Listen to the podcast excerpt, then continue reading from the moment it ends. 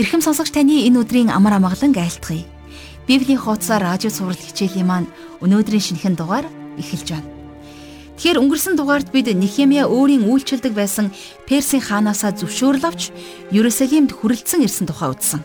Түүний энэ аялалд Бурхны мотор анхнаасаа л байсныг бид харж байна. Нехемия бурхан өөрөөр нь дамжуулан Иерусалимд юу хийх гэж байгааг маш тодорхой ойлгож мэдсэн учраас бүгдийг сайтар төлөвлөж хэрэгтэй хангамж тусламжийг тооцоолон хангуулж түүгээр зогсохгүй Иерусалимд эрүүтэй хотын байр байдлыг нь урьдчилан судалж цаашид хэрхэн ажиллахаа тооцоолон төлөвлөж байна. Одоогийн хэллэгээр бол энэ хотыг босгох үнэхээр маш том хэмжээний мега төсөл боловсруулсан гэсэн үг. Түүний хийж эхлүүлсэн ажлыг зарим нэг хүмүүс дооглон шоолж басамжилж исэн ч гэсэн гагцхүү хийж байгаа ажил нь бурхны хүсэл дотор байгаа гэдгийг тэр баттай мэдчихсэн учраас зоригтой бас шийдэмгий байж чадсан. Ингээд түүний эхлүүлсэн төсөл цааш хэрхэн үргэлжлэхийг Нехимия 3 дугаар бүлгийн 4 дугаар ишлэлээс дамжуулан бид уншиж судлах болно. Өнөөдрийн тухайд бид Нехемия номынхон 3 дугаар бүлгийн 4 дугаар ишлэлээс 27 дугаар ишлэлийг дуустал уншиж судлах болно. Тэгэхээр энэ төсөл хэрхэн үргэлжлэх нь миний хувьд үнэхээр сонирхолтой санагдаж байна. Тиймээс жаргал агшийн хичээлийг эхлүүлэхээс өмнө энэ цагийг бурхандаа даатгаж хамтдаа залбирцгаая. Энэ өдрийн төлөө, энэ цагийн төлөө бурхан аав минь таньда талархан залбирч байна.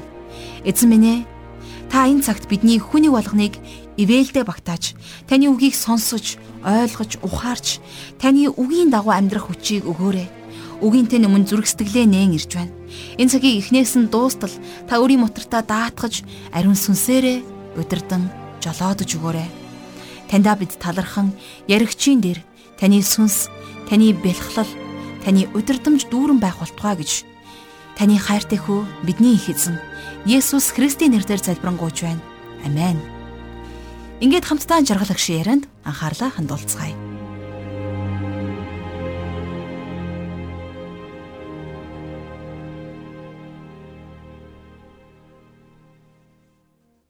За өнөөдөр хамтдаа Нехимия номынхон 3 дугаар бүлгээс үргэлжлүүлэн судалцгаая. За Нехимия номын 3 дугаар бүлгийн 4 дугаар ишлэлдэр хотын хан хэрмийг сэргэн босгоход гар бие оролцсон хүмүүсийн нэрсийн жагсаалт байдаг. За тэдний нэрс амийн номонд тэмдэглэгдэн үлднэ гэдэг гайхалтай. За бас завшаантай хэрэг. А гэхдээ эдгээр нэрсийг уншихад хэл хугармаар хиллэгтэй болохоор энд дурдлаггүй өнгөрье гэж би бодож байна. Гэхдээ хүн нэг болгон бурхан танигдсан гэдэг нь чухал. За тэд нар бол хотын хэрмийг сэргэн босгоход оролцсон гавьяатай хүмүүс. Хожим тэд нар энэ үлсийнхээ төлөө мэдээж бурхнаас зохих шагналаа хүртэх болно. За одоо хамтдаа харин 5 дугаар ишлэгийг уншийе.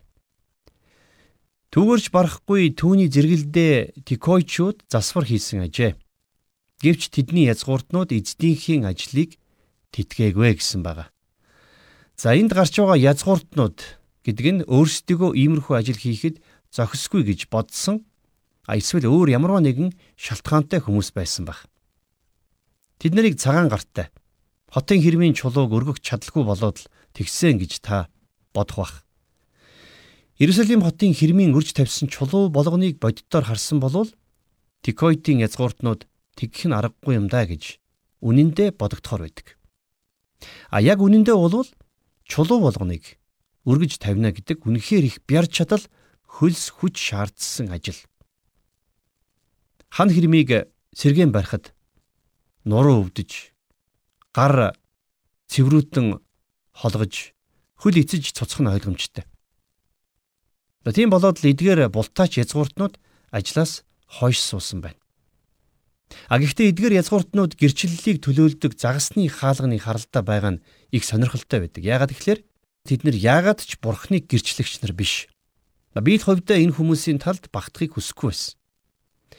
Бурхны хийгсэн ажлыг хийгээгүйхэн төлөө тэд нар шиг муугар тэмдэглэгдэн үлдэхийг бид нар мэдээж огтхон ч хүсэхгүй. За энэ нөхдүүд бурхны хүмүүс мөртлөө бурханд үйлчлэхээс татгалцсан. За тэгвэл яг ийм хүмүүс зориулсан ишлэл сургаалт төгс номын 11-р бүлгийн 26-ад ингэж бичигдсэн байна. Үр будаагаа нөөж нөөцөлдөг нэгнийг хүмүүс зүхнэ гэж. За тэгэхээр үр тариа бурхны үгийг төлөөлдгөө гэдгийг та мэдэх бах. Үлссэн нэгнээс бурхны үгийг хөргөлгүй нууна гэдэг бол үнэхээр гутамшигтай хэрэгээ. Та энэ талаар өмнө бодж байсан уу?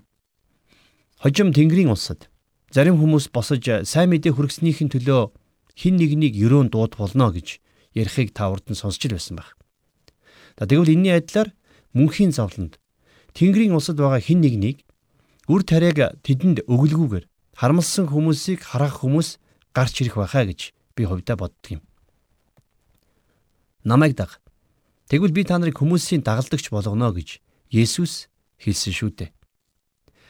Хэрвээ өнөөдөр та бид нар Бурхны хүслийн дагуу байгаа бол өлссөн зүрхсэтгэлтэй тэдгэр хүмүүст Бурхны үгийг хүргэх ажилд оролцож за бас тэдгээр ажлын нэг хэсэг нь болох хэрэгтэй байна. Бидний хинэн ч энийг дангаараа хийж чадахгүй. Тийм учраас энэ бол багийн ажил. За хамтдаа судлалаа үргэлжлүүлээд за 3 дугаар бүлгийн 6 дугаар ишлэгийг уншъя. Пасиагийн хүү Йоэда болон Бисодеагийн хүү Мишулам нар хуучин хаалгыг засав. Тэд үүний ясмодыг тавьж хаалгануудыг нь түгжээ хаалтуудтай нь байрлууллаа. За тэгэхээр гурав дахь хаалга бол яахын аргагүй хуучин хаалга. За бүх хаалганууд ялгаагүй хуучирсан байсан болохоор яг нэгнийг нь онцолж хуучин хаалга гэж нэрлсэн нь хачирхалтай. А гэхдээ л энийг хуучин хаалга гэж Библиэлд нэрлсэн байна. Амьдралаас цоошин зүйлсийг хүсэх хэрэггүй. Яагаад гэвэл амьдралын бүх зүйл хуучин байдаг. За тэгвэл энэ тухай зүнч Иремая 6 дугаар бүлгийн 16 дугаар ишлэлдэр бичгтээ. Эзэн ингэж айлдж байна. Замууд дээр зогсож хар.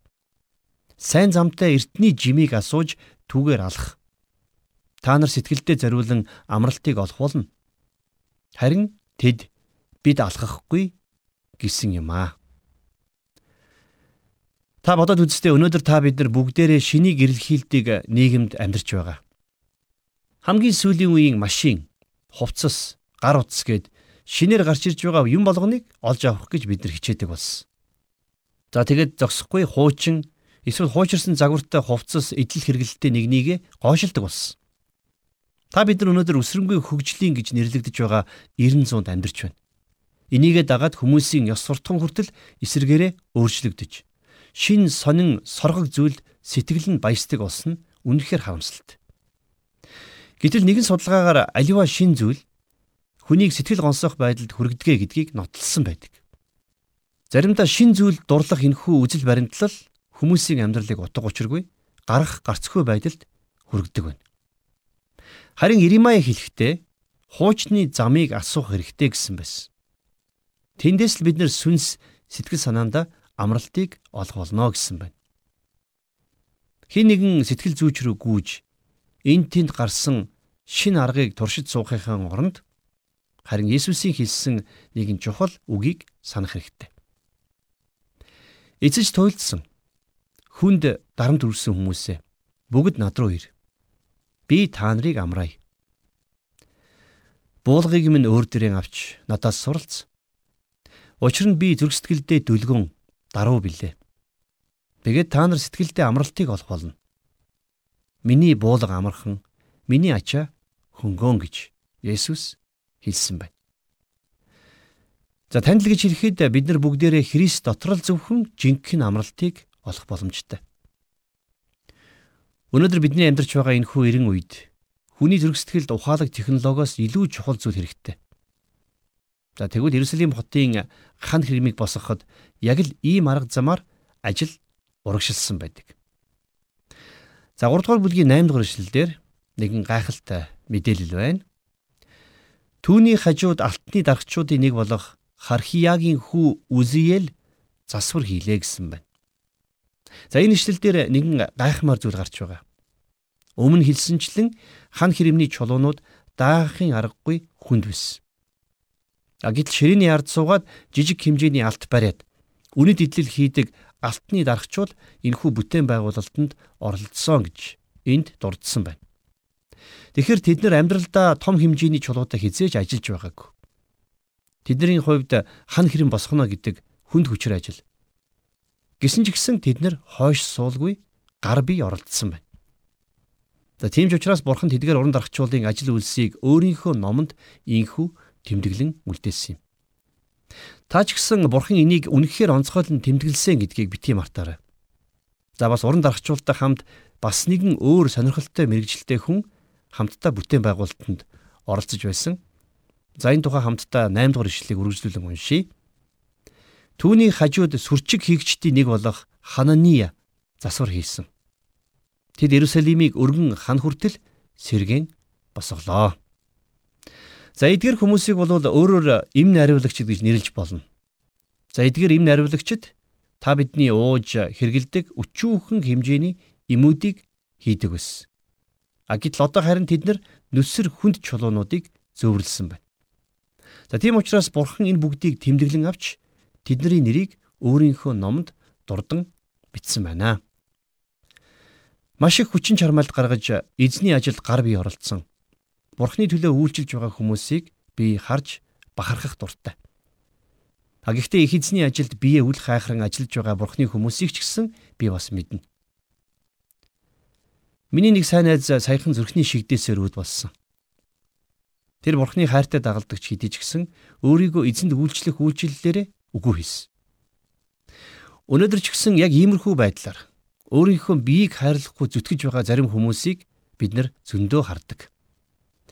Би саяхан нэг найз пастортай хандаж "За найз минь чиний амьдрал ямар шоу байгааг би сайн мэднэ. Гэхдээ чи дэндүү их ажиллаж байна. Өөртөө дэндүү их ачаал аваад байна.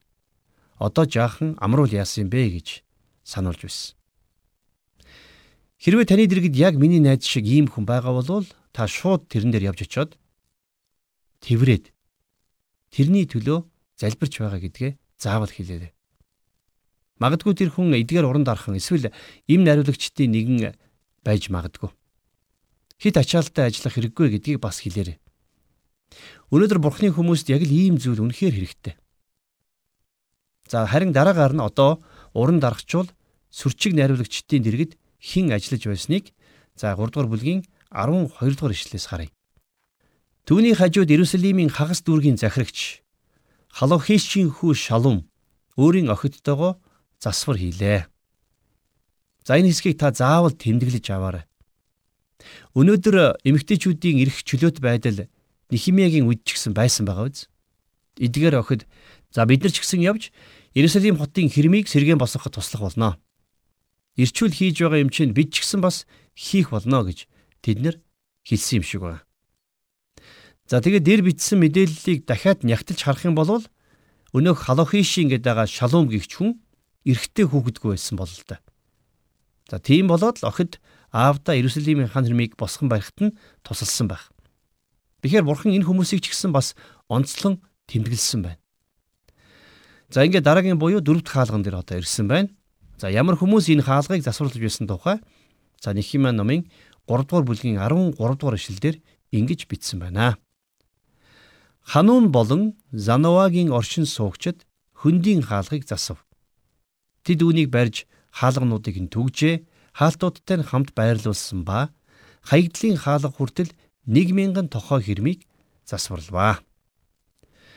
За энд гарч байгаа хөндийн хаалга гэдэг бол Иерусалимаас гадагш хөндөй рүү хөтлөх хаалгануудын нэг байсан. За энэ хаалга яагаад ч юм надад Библиэлд гардаг өнөөх өхлийн хөндийг санагдуулдаг. Санж байна уу? Давид өөрийнхөө дуулал номын 23 дугаар дуулал дээр өхлийн хөндийгээр алхах тухай бичсэн байдаг. За нөгөө утгаараа энэхүү хөндийн хаалга яагаад ч юм даруй байдлыг төлөөлдөг. Бурхан та биднэрт аливааг зааж ойлгуулахын тулд заримдаа бид нар хэцүү бэрх зүйлийн дундуур явах хэрэгтэй болдог шүү дээ. Итгэл бидний дотор олон олон үнэт зүйлсийг суулгадаг гэдгийг бид олонтаа сонсч байсан. Тэгэхээр тэдгээр үнэт зүйлсийн нэг бол яахын аргагүй даруй сэтгэл. Даруй сэтгэл буюу даруй зан чанарын тухай. Паул Колоссе хотынд бичсэн захидлынхаа 3-ын 12 дугаар эшлэлдэр ингэж бичсэн байдаг. Тиймээс бурхнаар сонгогдсон ариун хийгээд хайрлагдсан хүмүүсийн хувьд та нар өрөвч зүрх, инрэл, даруй байдал, дүлгөөн зан, төвчээрийг өмсөө гэж. Тэгэхээр энэ бол хүний хүч чадлаар хар аяанда бий болчдөг зүйл биш ээ. Харин даруй байдал дотроос гарах ёстой. Даруй зан чанар бол ариун сүнсний үр жимс. Нэг хүн нөгөөдөө би даруй болох гэж хичээсний эцэст ашгүй нэг юм чадлаа гэж хэлж байхыг би урд нь сонсч байсан. А гэтэл даруй байдал хүний хичээл зүтгэлээр биш зөвхөн бурхны сүнсний тусламжтайгаар л бидний амьдралд бий болдог. За дахиад хэлэхэд даруй байдал бол ариун сүнсний үр жимс. Тийм учраас хөндийн хаалга бол хүн бүрийн даруугаар явж өнгөрөх ёстой тэр хаалга. За хөндийн хаалганы дараа тав дахь хаалга буюу хаягдлын хаалгыг ямар хүмүүс сэргээн засварласан тухай за 14 дугаар эшлэл дээрээс хамтдаа харцгаая. Бет Хакхеремийн дүүргийн захирагч Рихабийн хүү Малхия хаягдлын хаалгыг засварлав. Тэр үүнийг барьж хаалгануудыг нь түгжээ хаалтуудтай нь байрлууллаа. За хаягдлын хаалга гэсэн нэртэй энэхүү хаалга болвол хотын ариун цэврийг хангахад маш чухал үүрэгтэй хаалга байсан. За гисэн хэдий ч энэ тухай нэг их тодорхой дурдаагүй байдаг. За энэ хаалга хотын ялгадас хог хаягдлыг зөөж гаргадаг хаалга байсан. Паул 2 дугаар Коринтын 7-гийн 1-дэр хэлэхдээ Хайрт хүмүүс минь Эдгээр амлалтууд байгаа тул бид өөрсдийгөө махан биеийн ба сүнсний бүхэл бузар булаагаас цэвэрлэе. Ингэхдээ Бурханаас имэж ариун байдлыг төгс болгоё гэсэн байна. За Паул ингэж бичснээрээ Христэд итгэгчийн амьдрал ямар байх ёстойг бидэнд харуулсан байна. Та бид нар бүгдээрээ Бурхны өмнө гим нүглээ хүлээх ёстой гэдгээ мэддэг. Чин сэтгэлээсээ гин бурууга хүлэнэ гэдэг. Ялгадас хогоо гаргаж хайна гэдэгтээ агаар нэгэн утгатай. За Йохан өөрийнхөө бичсэн анх дугаар захидлын 1-ийн 9 дээр хэрвээ бид нүглээ хүлээн зөвшөөрвөл тэрээр итгэмжит зөвхт бөгөөд бидний нүглийг уучилж бүхэл зөвхт бус байдлаас биднийг цэвэрлэнэ гэсэн байна. За харин одоо 6 дугаар хаалга буюу нэгэн сонирхолтой нэртэй хаалганы тухай 15 дугаар ишлээс харъя. Миспагийн дүүргийн захирагч Кол Хозегийн хүү Шалум нь ориглуурын хаалгыг засварлав. Тэр үнийг барьж бүрээд хаалгануудыг нь түгжээ хаалтуудтай нь хамт байрлуулсан. Хааны цэцэрлэгдэх Шилагийн цөөрмийн хэрмийг Давидын хотоос уруудах шат хүртэл засварлаа. За энд гарч байгаа ориглуурын хаалга нь Есүс худгийн дэргэд байсан эмэгтэйд хандан хэлсэн үгтэй маш их ойрхон хамаатай юм шиг надад санагддаг. Энэ тухайда санаж байгаа бол Иохны сайн мэдээний 4:14 дээр Есүс хэлэхдээ Харин өөрт нь миний өгөх уснаас уугч хинч хизээч цангахгүй. Харин миний өгөх ус тэр хүний дотор мөнх амьд хүртэл ориглох булаг болно гэж хэлсэн байна.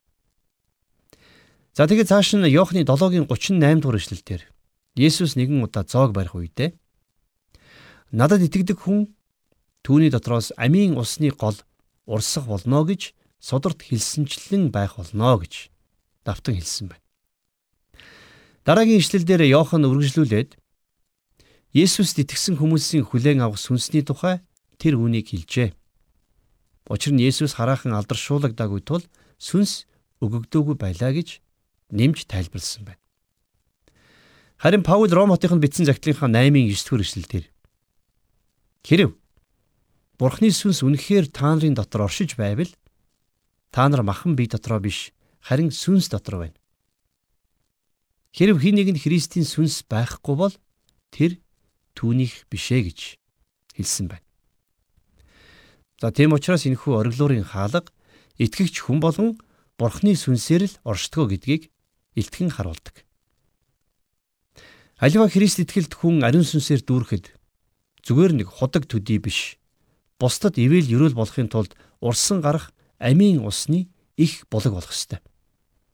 Тэгэхээр та бид нар ч гэсэн өөрийнхөө амьдарч байгаа энэхүү цаг үедээ өрөөл бусдад ивэл болж байх учиртай.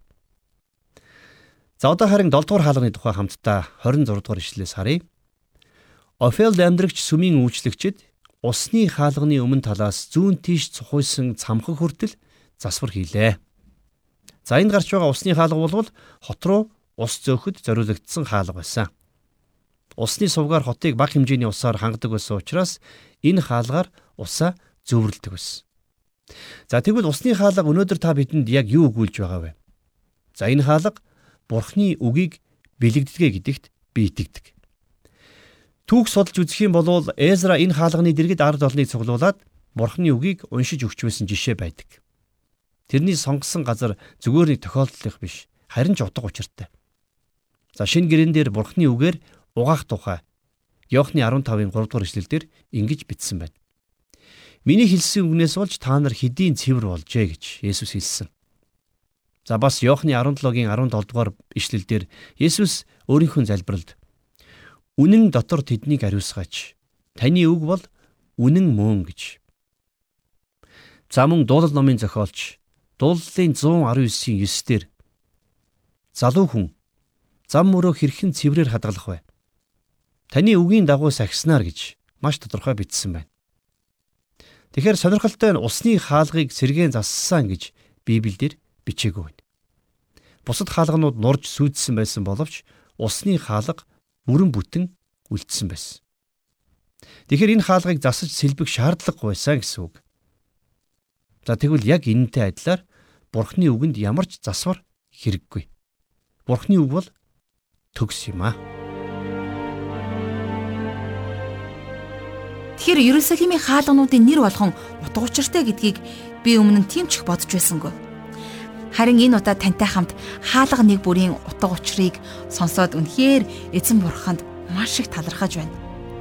Хаалга бүр нь онцлогтой төдийгүй тодорхой зорилгоор ашиглагддаг байсан тухай түүхэн мэдээллийг би эндээс олж авлаа.